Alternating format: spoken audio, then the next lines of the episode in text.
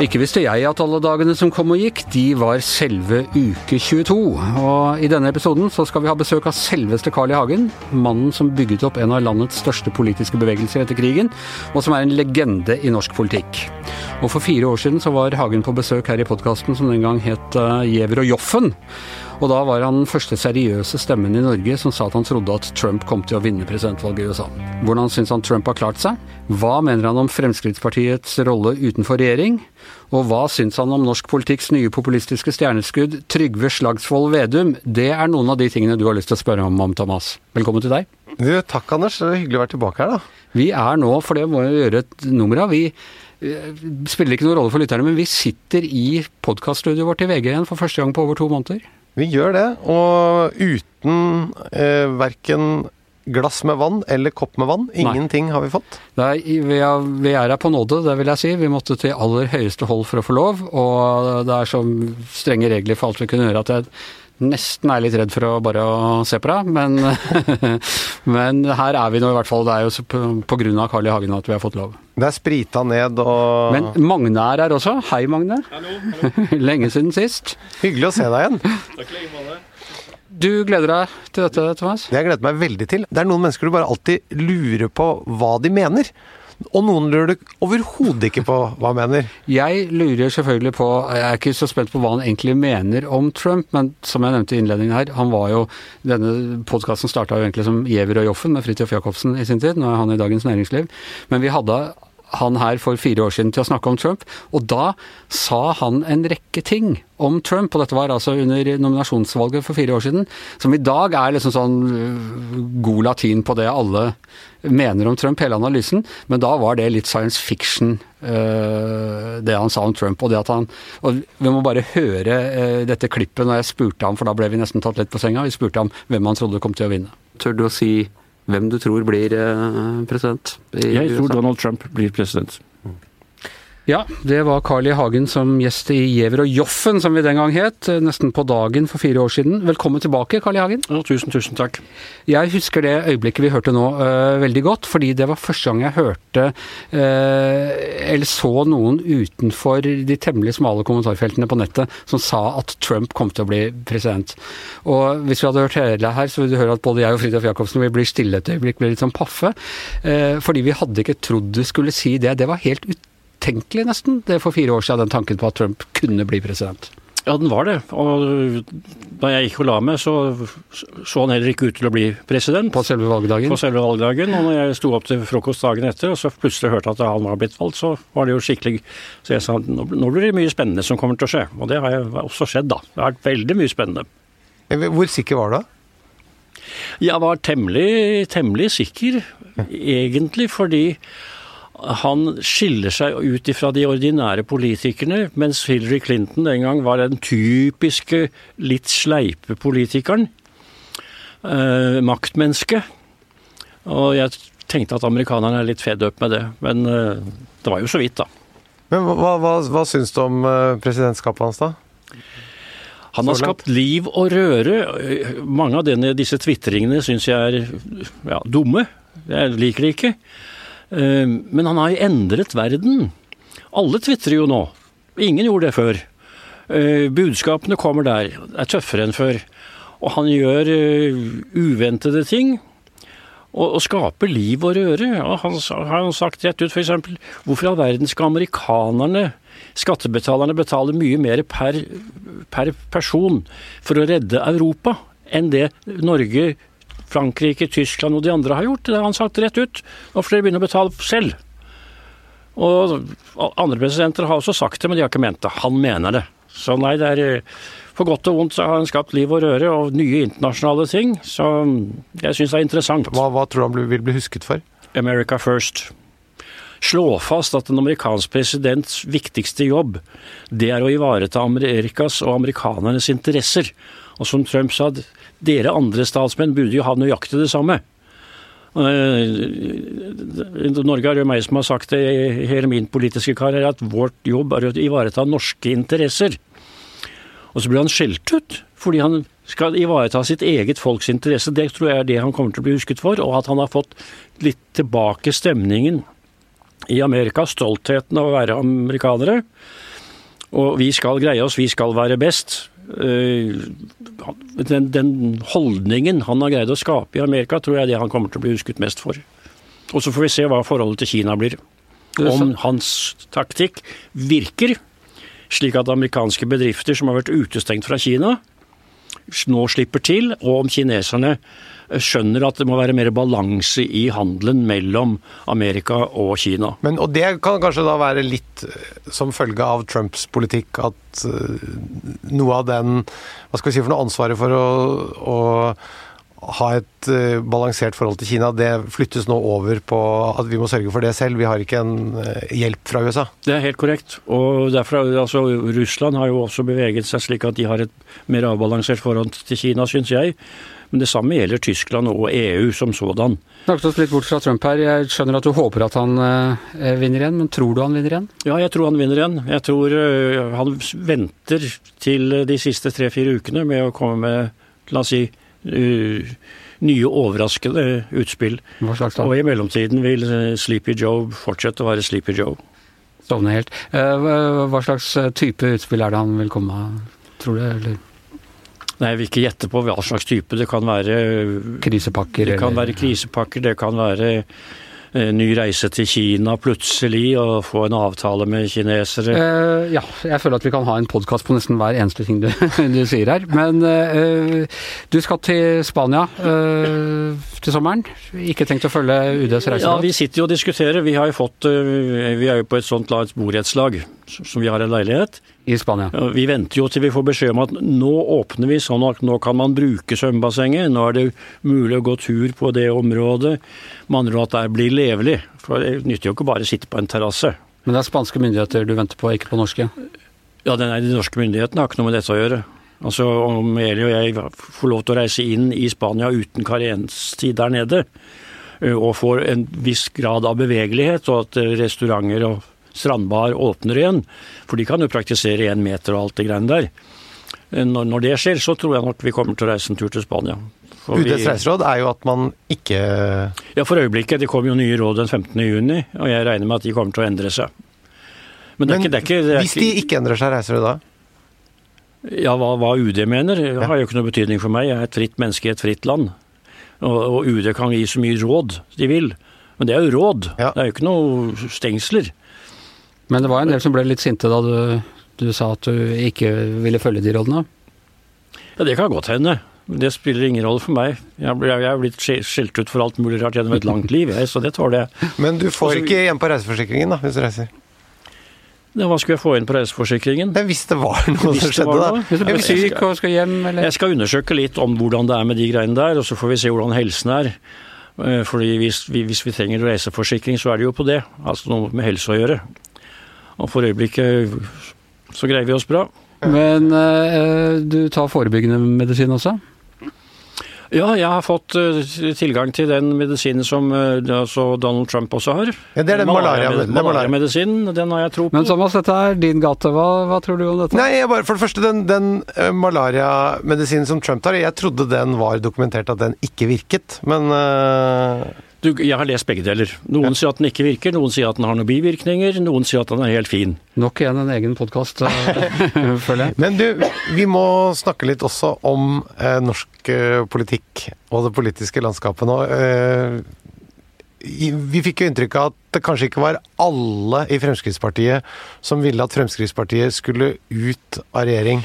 Ja, det var, det lurt å, var det lurt å gå ut? Uh, ja, det var lurt å gå ut. Eh, men de skulle gjort det før, på langt klarere. Altså Jeg var jo imot å gå inn i regjering i 2013 basert på den eh, dårlige avtalen som den gang ble. Det sa jeg ikke høyt, fordi jeg ville ikke igjen få kjeften for at jeg ødelegger. Eh, Men du tenker at det da er greit med en periode med mindre Frp-politikk for at man så skal kunne komme sterkere tilbake, da, eller?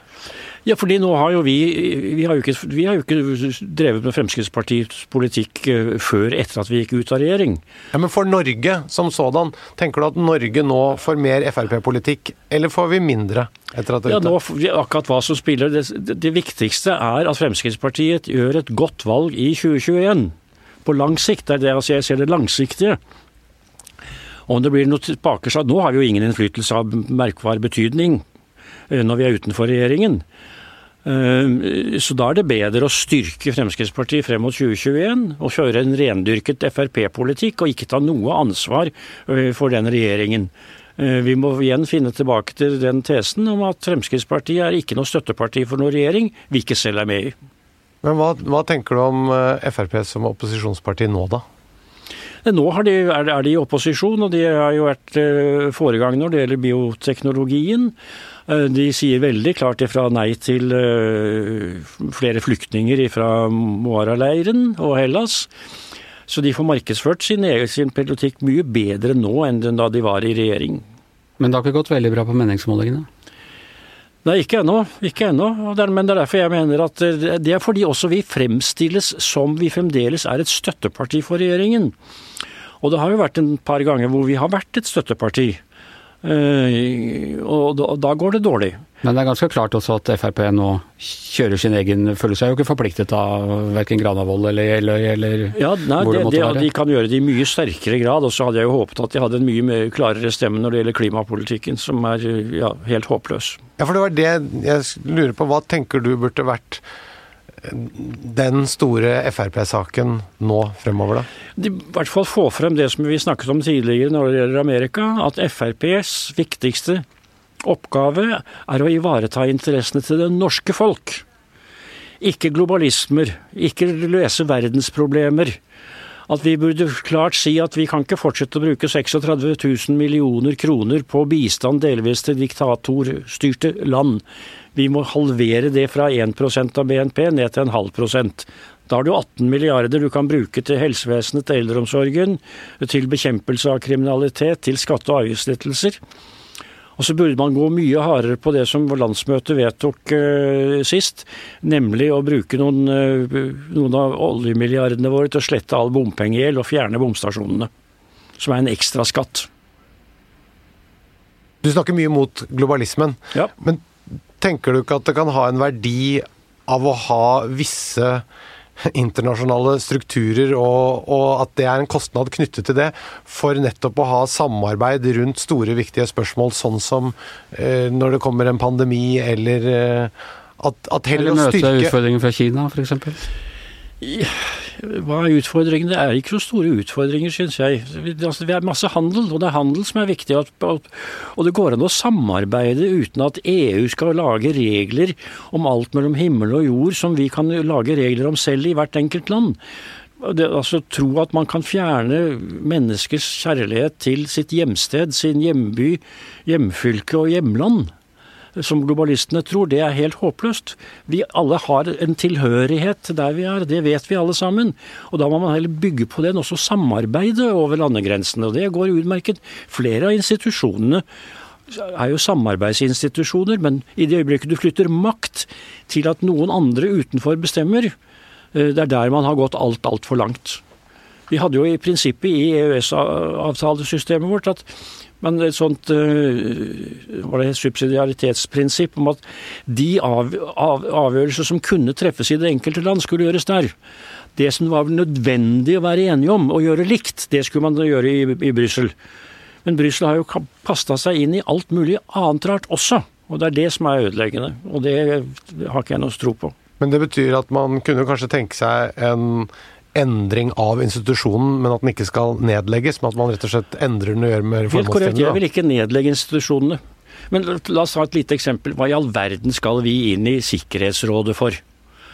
Å være verdensmestere rundt omkring og bli tvunget til å ta stilling hver gang USA og Kina er uenig fordi vi sitter i Sikkerhetsrådet. Vi har ingenting der å gjøre i det hele tatt. Og så bruker de altså 20-30 millioner kroner eh, i smøring av andre lands regjeringer og ambassadører for, få, for, at våre diplomater skal kose seg som viktigpeirer borte i New York fordi de er medlem av Sikkerhetsrådet. Det har ingenting der å gjøre. Du, jeg må spørre deg når vi har deg her også. Du har både avsatt og innsatt eh, statsminister noen ganger, i hvert fall indirekte. Hvem bør bli statsminister i Norge eh, etter neste valg? Sylvi Listhaug. Er det, hvordan ser du for deg at det rent praktisk kan skje? Det kan, kan, ikke jeg se i det hele tatt. Uh, men du spurte meg hva, ja. hva som var mitt, mitt, mitt ønske i tilfelle. Ja, så det er øverste ønske. Er det, nei, altså, Siv, Siv Jensen har vel stilt seg til uh, gjenvalg, og da blir hun gjenvalgt som partileder og går inn i valgkampen som uh, Fremskrittspartiets statsministerkandidat. Og så er det jo meningsmålingen og oppslutning selvsagt som styrer dette. Uh, nei, hvis, jeg, hvis ikke jeg, Men du mener heller da Sylvi Listhaug enn Siv Jensen? Ja. Men uh, ellers ville jeg sagt uh, Trygve Slagsvold Vedum. Ja, for du, det er jo en annen antiglobalist. Ja, han har beveget eh, Senterpartiet no, mange hakk i riktig retning. Han er kritisk til vår naive innvandring- og flyktningpolitikk. Han er klarere på integrering. Han er klarere på å ivareta norske verdier og hensyn til Norge. Det gjør han. Eh, så er jeg uenig, så har han valgt feil politisk side. Han har veldig mye mer, tror jeg, etter hvert å hente på borgerlig side enn sammen med Arbeiderpartiet, og for ikke å snakke om Rødt og SV. Eh, så jeg håper at, eh, at, at, Fremskrittspartiet også gjør hva sitt kan for å bli godvenner med Senterpartiet, for å begynne å, få lokket de tilbake til borgerlig side, hvor de tradisjonelt har vært. Eh, inntil vel Anne Enger Landstein beveget i, i retning Arbeiderpartiet og var støtteparti for Gro Harlem Brundtland i mange år. Så, og, og, og Trygve er jo en festlig fyr. Eh, I, I, tillegg munter og blid og arbeidsom og jordnær og uh, Veldig mye pent å si om Trygve Slagsvold Vedum. Bør Fremskrittspartiet frykte ham? Ja, absolutt. Absolutt grunn til det. Særlig eh, fordi han har fått så mye gavepakker av regjeringen Erna Solberg opp gjennom de siste syv årene. Men så, så du tenker Ideelt sett antar jeg du helst vil ha en ren Fremskrittspartiregjering, hvis, hvis du bare hva vil du helst ha? Men på andreplass kommer da en regjering sammensatt av Frp og Senterpartiet? Eller Frp, Senterpartiet og Høyre. Hvis de tre partiene får flertall, så burde det være en regjering Frp, Senterpartiet, Høyre. Trygve Slagsvold Vedum, hvilken, eh, hvor vil du sette han? Ja, Det kommer helt an på størrelsen. Det normale, og det, det er altså de demokratiske grunnprinsippene som jeg støtter. Lederen for det største regjeringspartiet bør ha statsministeren. Ja, så da la oss si at det nå i dette tilfellet var Sylvi, og så er eh, eh, Senterpartiet nest størst. Og vil du ha han som finansminister, da, eller? Eller utenriksminister. Ja. Nei, ikke, Trygve er for dyktig til å kaste bort på et så lite viktig område som utenrikspolitikken. Så, Dette er jo en eh, antiklimalist, vi skal jo Jeg, jeg ville sagt uh, finansminister. Du vil sidestille utenriksministeren med kulturministeren fremover? Ja, fordi norsk utenrikspolitikk bør først og fremst bygge på å ivareta norske borgeres og bedrifters interesser. Vi bør ha et godt forhold til våre naboland, og jeg syns det er meningsløst med denne boikotten vi har av Russland. Eh, fordi de beholdt et område som bodde først og fremst russere på, hvor de hadde sin hovedbase. Meningsløst. Vi skulle hatt et godt forhold til Russland. Samarbeide godt som vi gjør i Barentshavet og, og, og, og, nord, og fiskerier og olje- og gassleting og næringsvirksomhet på Svalbard. Istedenfor å liksom bli en brikke i det internasjonale spillet. Helt, nei, norsk utenrikspolitikk de skulle få et godt forhold til våre naboer, og så skulle vi ha et godt forhold til våre Nato-allierte medlemsland og ikke være belærende overfor la oss si, enten det er Kina eller India eller andre land som vi har en tendens til at lille Norge skal komme og belære andre om hvordan de skal organisere sitt land og sitt liv. Jeg syns jeg er helt meningsløst. Og det er når vi er utenfor Sikkerhetsrådet, bare vent til vi kommer til Sikkerhetsrådet. Ja, nemlig. Da blir, men da blir det negativt, for da, nå kan vi i hvert fall av og til la være å ta side i en vanskelig internasjonal sak. Da blir vi tvunget til å ta en side. Du, jeg synes, må bare si jeg syns det er alltid fascinerende å høre deg snakke. Eh, vi, må ta, vi får gjøre det heller sånn, vi må runde av podkasten nå, men eh, jeg får heller ringe deg innimellom og spørre litt om hva du syns om ting. Vi må, vi må spørre deg, og vi er jo også opptatt av, av, å sette Norge først her, bl.a. å putte penger inn i økonomien igjen. Så vi pleier å runde av hver gang med å snakke om hva man har kjøpt siden sist. Hva man har unnet seg eh, utover dagligvarene. Har du kjøpt deg noe? Nytt? Nei, men uh, Eli kjøpte uh, en, uh, en, iPad til sin mor, som er et par og 90 år. Slik at hun kunne nå begynne. Hun er på et sted hvor det er lukket pga. korona, så hun har ikke fått snakket med sine barnebarn eller sett sine barnebarn og barn og sånt på en lang, lang stund. Men på FaceTime på en iPad så kan du gjøre det. Så hun fikk en iPad forrige helg, og da gikk jeg kjøpt den. Har hun kommet seg på FaceTime? Ja da, hun har fått snakket med flere av oldebarna også, faktisk. På, på FaceTime og sett de ansikt til ansikt og greier. Så det, går, det blir veldig interessant og veldig fint. Hva har du kjøpt da, Thomas? Nå siden sist? Herregud, det er jo Altså, jeg kan ikke Jeg, jeg, kan ikke kjøpe noe hver uke? Jeg kan ikke kjøpe noe hele tiden, Anders. Nei. Akkurat nå er jeg litt jeg Shoppestopp i et par dager, så skal jeg i gang igjen. Ta penger ut av økonomien. jeg skal i gang igjen i helgen. Jeg lover det. Skal kjøpe noe dyrt på matbutikken i hvert fall. Ja. Ok. jeg har kjøpt en sånn tile, en sånn som du fester til nøkkelknippet ditt, så hvis du mister nøklene, så piper den. For jeg blir 60 år til neste år, og jeg har lært at det du skal gjøre her i livet, det må du gjøre før du fyller 60, for etterpå går du bare rundt og leter etter nøklene dine, så Nøklene mine har jeg stort sett fast i lommen, så det går greit. Ja, ja. Og jeg er over 60. Ikke sant. Så det, det, det finnes opp. Men er det sånn at du plystrer på den? Nei, du kan ikke plystre. Du trykker på noe på iPhonen, og du kan også vise versa. Hvis du ikke finner iPhonen, kan du trykke på noe på nøkkelen, så de, de finner hverandre. De to tingene, det hørtes uh, Eneste Riktig som gjør praktisk. Jeg har kjøpt den for en uke siden, jeg har brukt den fem ganger allerede eneste som gjør at jeg er litt bekymret for sånne ting, er at jeg tror jeg blir sløvere av det. Da, da, alle telefonnumrene ligger inne på telefonen, så plutselig så husker jeg ingen telefonnummer lenger. Nå er jeg dårlig på stedsorientering, fordi det alltid er et kart som jeg kan navigere med hvor som helst det er skummelt å tenke på. Hvis noen hadde kommet hver dag utenfor huset mitt og sagt 'Du har ikke lyst til å sette deg i denne rullestolen', da? Så hadde det vært fristende å si ja takk, og til slutt så har jeg ikke muskler i beina, Anders. Nei, det er fordi du ikke stoler på Google. Jeg bare, jeg bare gir hele mitt liv der og lar dem styre for meg.